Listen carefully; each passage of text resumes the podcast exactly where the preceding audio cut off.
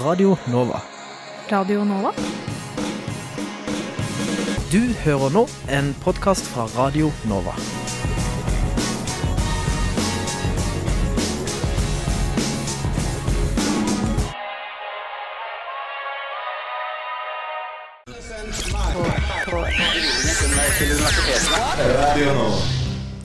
Velkommen til denne ukas Studentnyhetene. Mitt navn er Celine Stensrud, og med meg i studio har jeg Elise Kubra.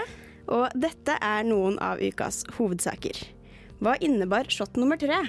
Vi har vært på Breakfast Beat med verdens beste nyheter. Er det mulig å bestå et fag uten å kunne noe som helst om det? Vi har testa. Og vi får besøk av Norsk studentorganisasjon og studentparlamentslederen ved Oslo OsloMet for å prate om SHoT-undersøkelsen. Men først skal vi ha ukas nyhetsoppdatering.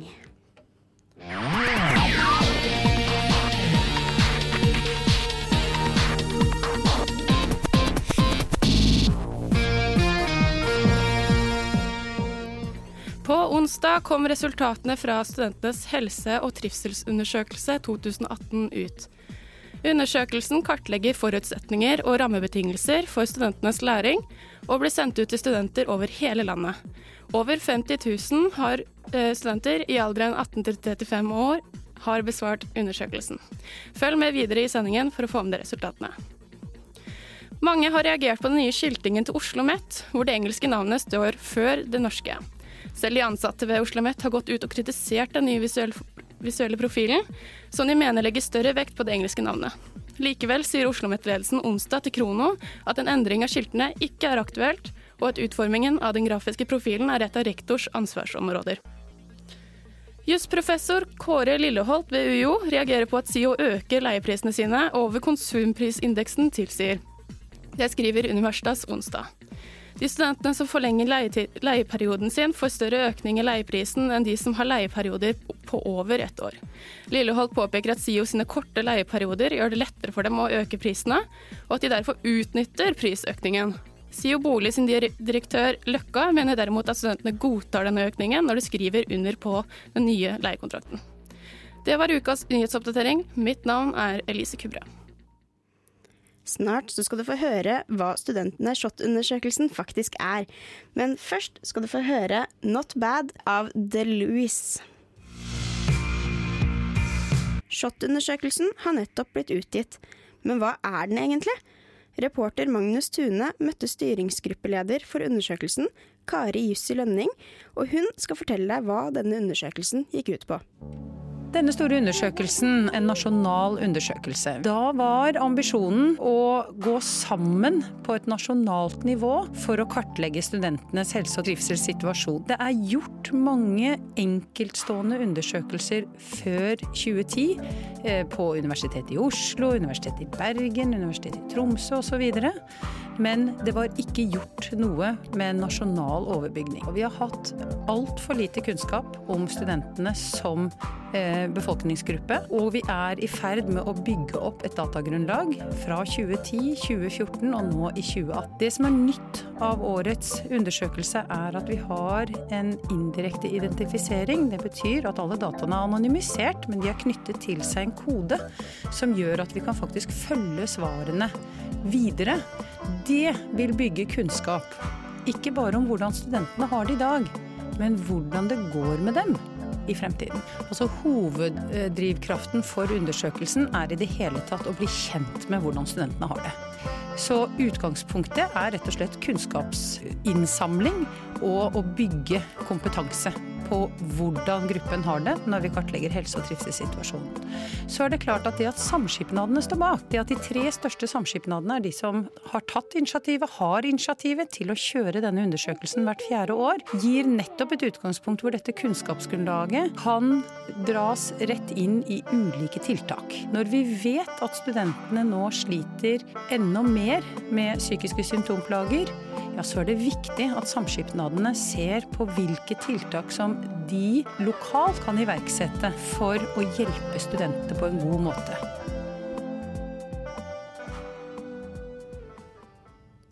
Da håper vi at eh, du fikk et bedre grep på hva SHoT-undersøkelsen er. Vår reporter var Magnus Tune. I dag deler Verdens beste nyheter ut sin årlige avis i samarbeid med Spire, SAIH og Changemaker. Vår reporter, Sel vår reporter Selma Hellstrand sjekket ut stemningen blant de frivillige på Breakfast Beat i dag tidlig. Nå er klokken seks om morgenen, og jeg er på vei til Tøyen for å møte frivillige som jobber med kampanjen Verdens beste nyheter. I dag gir de nemlig ut sin årlige avis om den positive utviklingen i verden. Og det skal feires med en skikkelig morgenfest. Hvordan er stemningen her i dag?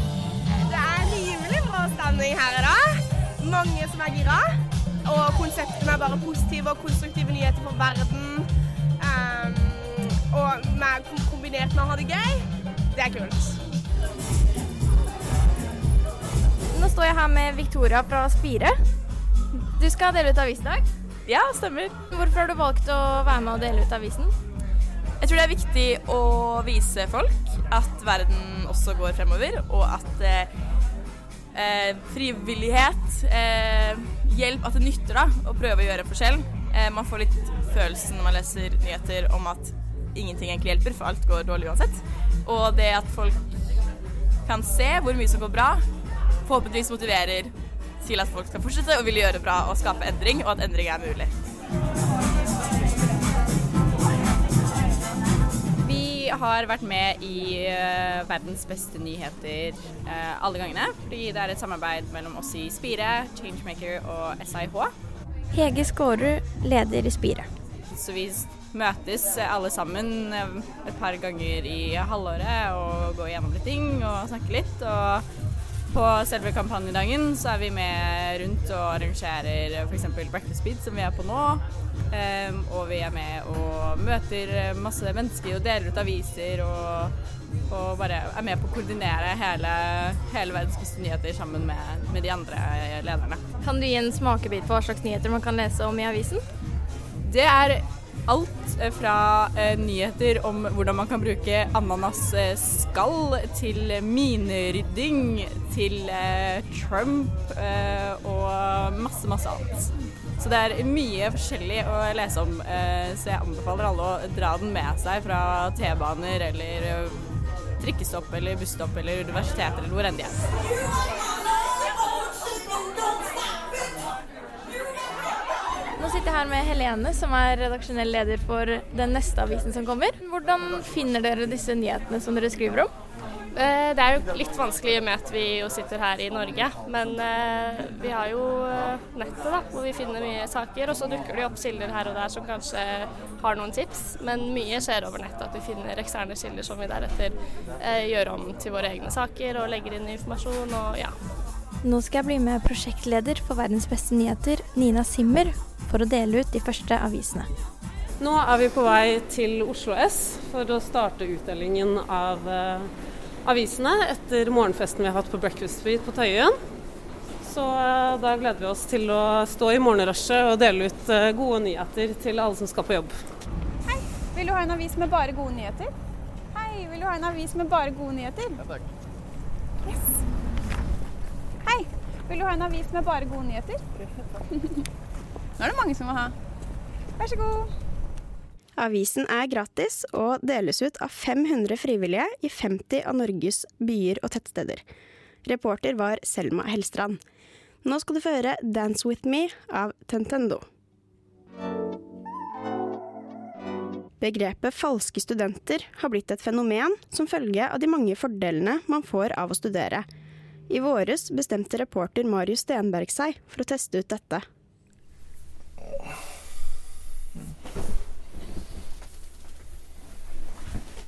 Herregud, nå kjenner jeg at jeg begynner å bli litt stressa. Jeg tror jeg sammenligner, sammenligner liksom ulike politiske systemer og sånn. Så jeg tenker at det Det er jo ikke helt upløyd mark. Um, men så er det oppmøte uh, om en halvtime, og jeg sitter fortsatt i underbuksa. Jeg kom over en artikkel om eh, sånne såkalte falske studenter. Og da tenkte jeg at eh, det er jo genialt! Man melder seg opp til tilfeldig fag, eller gjerne noe kult nå. Og bare på rutebilletten så kjenner man raskt inn semesteravgifta. Og vel så det. Så får man eh, billig kaffe på 7-Eleven. Man kan trene billig på Elexia, selv om jeg bare skulle trent deg to ganger. Og, og kanskje til og med noen studentpoeng. Jeg tenkte nemlig at eh, jeg kunne jo sikkert gjøre en liten innsats eh, for disse 30 studiepoengene jeg liksom skulle ta. For kanskje lærer jeg noe, og eh, kanskje kan jeg til og med stå. Så villig meldte jeg meg opp til spansk. Røyk selvfølgelig på seminardeltakelse. Utlendingsrett. Sjekka oppmøtetida først etter at eksamen hadde starta. Og er komparativ politikk. Ha! Synsefag. Så jeg møter opp til komparativ politikk, et fag innen statsvitenskap, uten å åpne verken ei bok eller emnebeskrivelsen eller noen ting. Så får jeg bare følge etter eh, rekka, da. Eh, Men det som er litt spesielt, er at de er jo ikke De er jo sikkert kjempenervøse, mange i hvert fall. Mens jeg har jo egentlig ingen grunn til å være noe nervøs. Velkommen til eksamen. Nå kan dere logge på med brukernavn og passord. Men det er verdt et forsøk. Så jeg skribler i vei om eh, samfunnsstrukturer, eh, ulikheter mellom demokratier og diktaturer, hva diverse filosofer mener, filosofer jeg aldri i verden har hørt om, og rasler i vei noen sier. Nå er jeg ferdig. Jeg brukte vel eh, to og en halv time. Allikevel så forlater jeg eksamenslokalet med en god følelse på at dette, ja, dette kan jo faktisk gå igjennom. Her er det masse allmennkunnskap og gode forklaringer som, som gir en hel del mening, iallfall for meg. Jeg holder sikkert til en E, eller kanskje til og med en D. Så får jeg svar. Jeg strøyk selvfølgelig. Ja, kanskje hadde jeg litt for stor sjøltillit. Men det er jo samtidig en lettelse. Jeg mener, det skal jo ikke være så enkelt. Så Ujo de får en hel del kredibilitet for eh, rett og slett å ha stryket med. Ja, det er jo egentlig på sin plass. Men med bitte lite grann lesing så kunne jeg jo sikkert ha stått, da. Så nå har jeg meldt meg opp til 30 nye studiepoeng i astronomi, X-FIL og politisk teori. Denne gangen så skal jeg iallfall lese en halv dag per fag. Minst. Reporter der var altså Marius Stenberg. Og Elise, hva tenker du om disse falske studentene? Nei, altså jeg er jo egentlig litt sånn eh, ja, liker regler og litt sånn, så jeg syns egentlig det er litt sånn slemt gjort. Fordi det er jo så mange som legger så mye i å lære seg disse emnene, og så lever de egentlig bare et bedre liv med litt billigere rabatter. Så ja, jeg syns egentlig det er ikke akkurat noe man skal drive med. Så du tror ikke du hadde klart å være en falsk student? Nei. Eller jeg, altså jeg kunne nok ha gjort det uh, uten å ha hatt noen problemer, men jeg, samvittigheten min hadde ikke tålt det. Det forstår jeg veldig godt. Marius derimot var en veldig flink falsk student. Det skal han ha. Nå eh, Snart skal du få høre mer om eh, SHoT-undersøkelsen, men eh, først skal du få høre Louis og Lexus med Init. Der hørte du Nick Dorian med Palisades. I denne ukas Emneknaggen satte redaksjonen seg ned med ledere for Velferdstinget og Studentparlamentet for å diskutere de ferske tallene fra SHoT-undersøkelsen. Og vi skal få høre litt fra denne sendingen. var på lanseringen og av disse tallene. Og hva er førsteinntrykk? Vi kan starte med deg, Susann. Ja, Førsteinntrykkene er jo at det er, altså det er så trist å høre at det er så mange som sliter både med psykiske plager og ensomhet. Det var jo som de sa på lanseringen, av, at disse 200, av disse 200 personene så er det 50 stykker som har psykiske plager. Det er, det er helt krise. Mm. Ja, det var jo litt forberedende for to uker siden når man fikk at én av tre studenter er ensom. Da så man jo at denne studenthelseundersøkelsen kanskje ikke ble den gladeste i verden. Eh, og det ser man jo nå. Så det å si at én av fire studenter eh, i Norge eh, sliter med alvorlige psykiske symptomplager, er jo forferdelig. Det er det. Og ikke bare det, vi ser også at det er en negativ utvikling fra 2014. Og det må vi ta på alvor. Eh, vet vi egentlig hva de mener spesifikt med psykiske plager? Vet vi noe på det? De har en, eh, en sånn flott definisjon av dette som er verdenskjent. Eh, Det kan jeg finne frem hvis du ønsker det. Ja, gjerne. Ja. Men mens vi venter på det Susann, det er jo helt ferske tall det her, så vi, vi bryter de bare ned her vi sitter akkurat nå. Men tror du at det er noen spesiell grunn for at det har steget så, så mye som det har gjort? Det er jo kjent at vi blir kalt generasjon prestasjon, og spesielt den yngre, yngre garden. Eh, Så man må jo ta det i betraktning. Man skal prestere på studier, man skal ha en jobb, man skal være aktiv i foreninger, man skal gjerne ha et sosialt liv ved siden av foreningslivet, og det er bare veldig mye man skal gjøre hele tiden. Og med da det presset som er på sosiale medier, så får du på en måte bekrefta sånn ja, nå sitter jeg inne en fredagskveld mens alle andre gjør noe, og da kanskje kjenner ekstra mye på den ensomheten, da, fordi du skal helst hele tiden gjøre noe, og du blir oppfordra til å gjøre noe hele tiden. Mm. Eh, Det er jo også spørsmål om eksamensangst og søvnløshet, som vi også ser at ganske mange studenter sliter med. Eh, Ja, igjen, hvorfor tror du at eh, det er så mye Hvorfor tror du at det fortsetter å vokse, da? Nei, Før så var det at når du var ferdig utdannet, så hadde du mye større sannsynlighet for å få en god jobb, mens nå ser vi at du må ha relevant erfaring, høyere utdanning, og da vil karakteren også være avgjørende. Og vi har jo også snakket om dette i henhold til fusk. altså Vi må se på nye metoder for hvordan vi skal vurderes. Vi kan ikke ha én avgjørende eksamen for et helt halvår. Folk havner bakpå, det blir uh, utfordringer med Lånekassen. Vi må begynne å se på mappevurderinger og se på hvordan vi faktisk kan forberede studentene på jobbhverdagen gjennom en annen vurderingsmetode. Maja? Ja, nå har jeg funnet fram Mm. den eh, definisjonen, hvis det var det du refererte til. Um, psykiske plager og lidelser er tilstander som kjennetegnes ved at de ofte, men ikke alltid, påvirker en persons tanker, følelser, atferd og væremåte som oppleves belastende. Gjerne sånn at det går utover livskvaliteten eller det generelle livet. Um, for psykiske plager så stilles ikke de samme eh, diagnosekravene som andre, så man kan ta og finne ut av psykiske plager um, gjennom et spørreskjema, mens diagnoser må gjerne ta og stilles av uh, fagpersonell. Det var da et eh, innslag fra ukas Emneknaggen. Hvis du vil høre hele programmet, så kan du finne det på Studentnyhetenes Soundcloud. Programledere var Martin Mathiassen Øding og Magnus Tune. Der hørte vi Albany Law med 'Running Circles'. Og hjertelig velkommen til Studentnyhetene, Fam Karine Her Aas, som er velferdsansvarlig i Norsk studentorganisasjon, og Bjørn Harald Hegerberg Garborg, leder ved studentparlamentet ved Oslo OsloMet. Hallo, hallo. Takk for det. Hei, hei. Eh, onsdag morgen så ble jo resultatene fra studentenes helse- og trivselsundersøkelse endelig presentert. Og vi fra Studentnyhetene vi var jo på plass, eh, og vi har jo allerede snakket om resultatene i denne sendingen, så jeg vil bare kort oppsummere tre hovedelementer. Og det er at eh, funnene går generelt i negativ retning. Det er en økning i psykiske plager hos studentene, og én av fire oppgir å ha blitt utsatt for seksuell trakassering. Hva er det dere tenker sånn nøyaktig sånn med en gang med disse resultatene?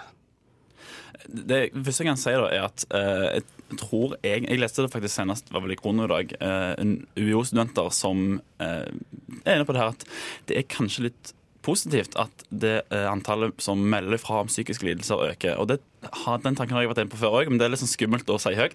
For du skal liksom ikke si det. Men det, jeg, jeg tror at en del av de tallene viser bare at vi, er mer, vi har mye mer forståelse for hva det vil si å ha en, et psykisk problem nå. Du trenger ikke nødvendigvis være innlagt for å ha et, et, problem med psyken. At det går an å være på en måte et fullt fungerende, oppegående menneske og fungere i samfunnet selv om du sliter psykisk. Så det tror jeg er Ja. Og Fam, hva tenker du om at eh, psykisk helse har da blitt litt mer satt på agendaen? Jeg tenker det er veldig viktig at vi har satt eh, psykisk helse høyere opp på agendaen. Og som Kari Jussi Lønning også sier, at eh, ja, det tror vi er en del av den negative utviklingen vi har sett også, men det kan ikke gi oss hele svaret. Eh, som eh, Folkehelseinstituttet også skriver noe om i eh, selve rapporten, er jo at eh, endringene i, i samfunnet også kan ha hatt en påvirkning. Og spesielt for studenter dette med muligheter og, og krav da, som blir stilt, som er litt annerledes, og at eh, kanskje dørene stenges, da. At det føles at dørene stenges litt tidligere nå. Eh, Ja. At det også påvirker eh, dette tallet. Så ja, åpenhet, men eh, ikke åpenhet alene. Nei. Og flere av lederne i høyere utdanning har jo etter denne presentasjonen eh, gått ut i sosiale medier, og bl.a. da rektor ved UiO, Svein Stølen. Han tvitret jo om at innsatsen for å løse disse problemene må økes. Eh, Hvor mener dere at ansvaret ligger for å rette opp i disse resultatene? Ja, eh, altså det er jo et eh, vanskelig spørsmål, fordi her er det så mange som har et ansvar. Eh, uten tvil så har institusjonen et ansvar.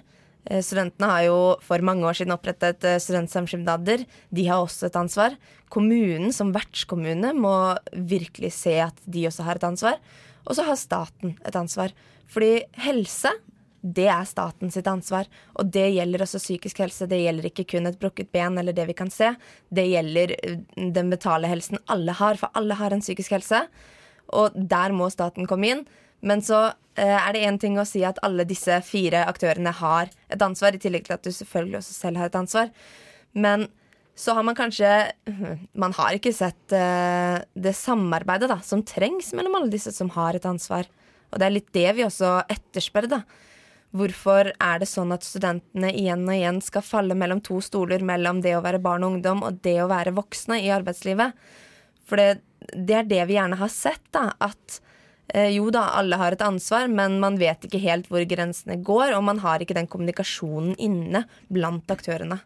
Ja, og Bjørn, hva mener du at studentparlamentet kan gjøre?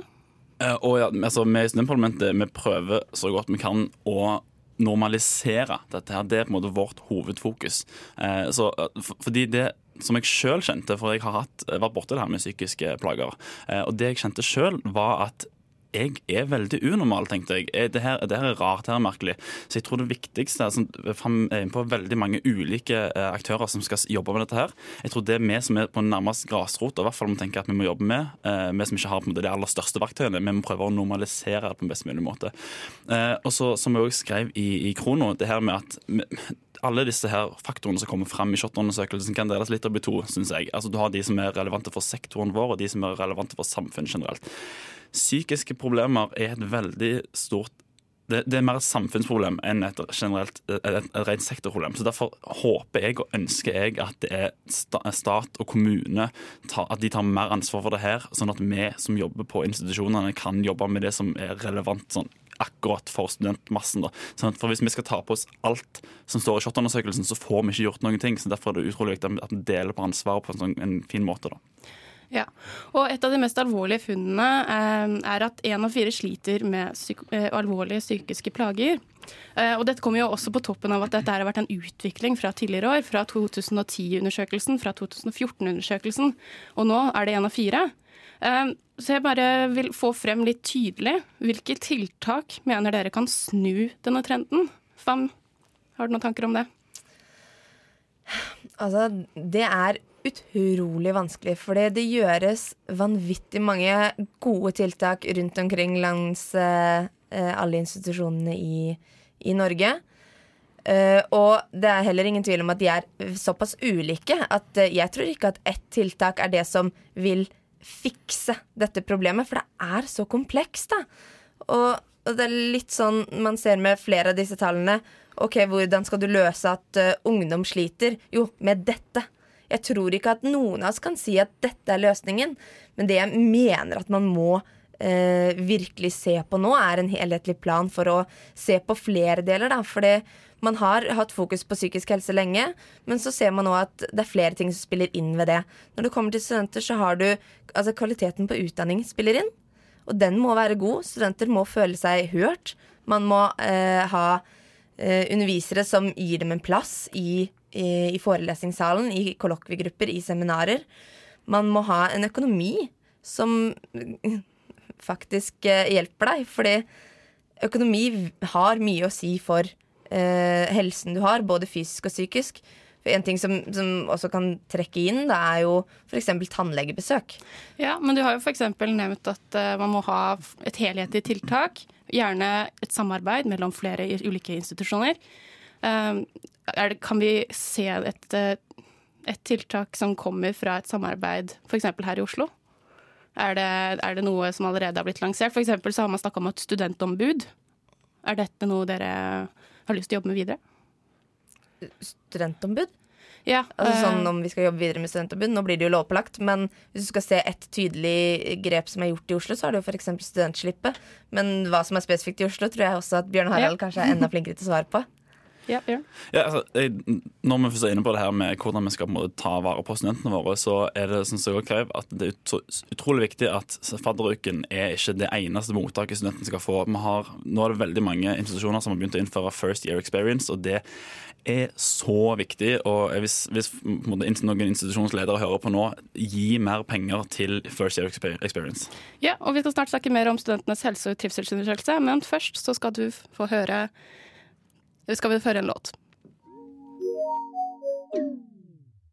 Der hørte du Pink Caravan med Pop Lock and Lemon Drops.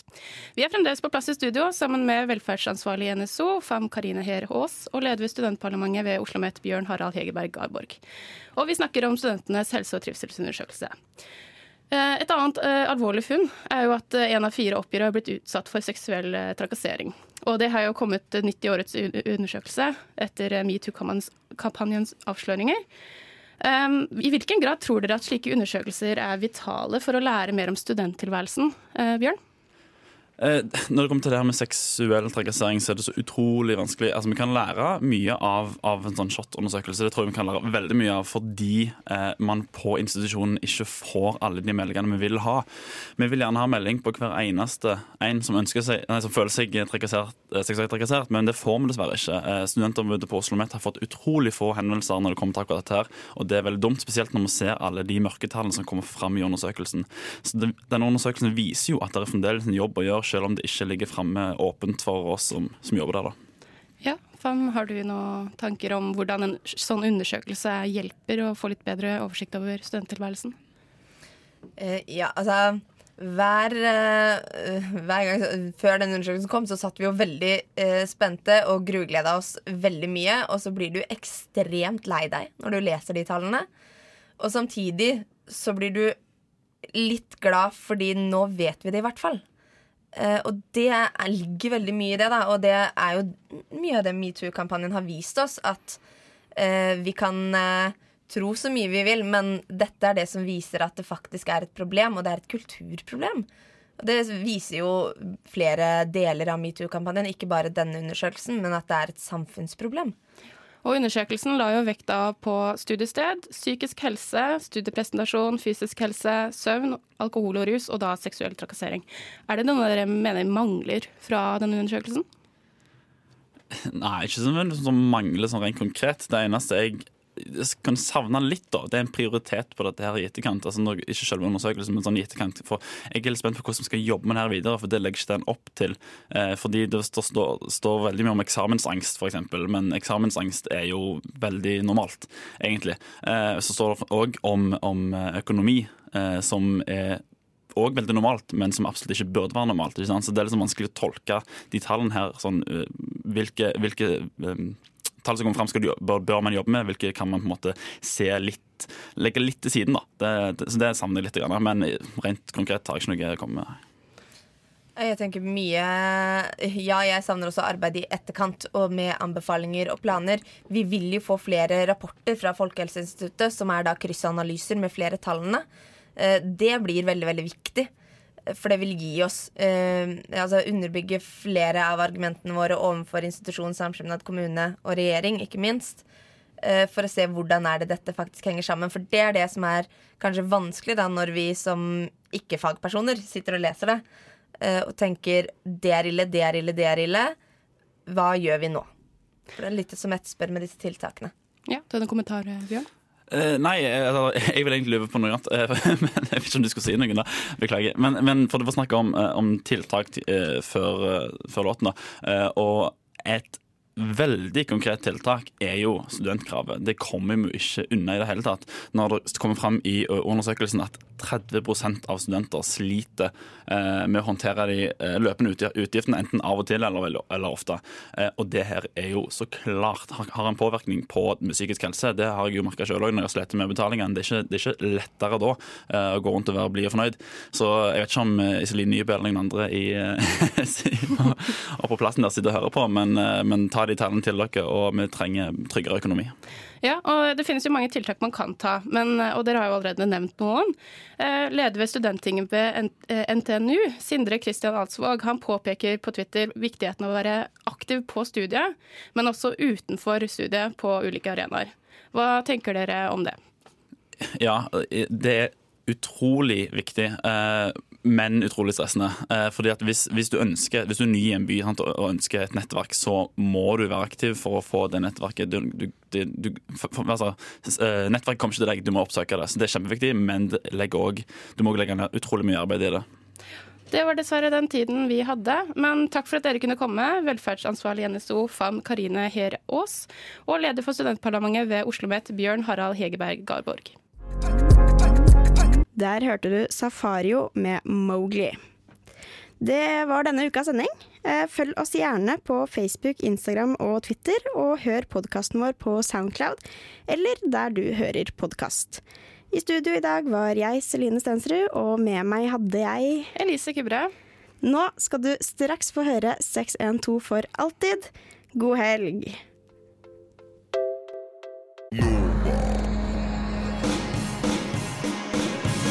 Du har hørt en podkast fra Radio Nova. Likte du det du hørte? Du finner flere podkaster i iTunes og på våre hjemmesider radionova.no.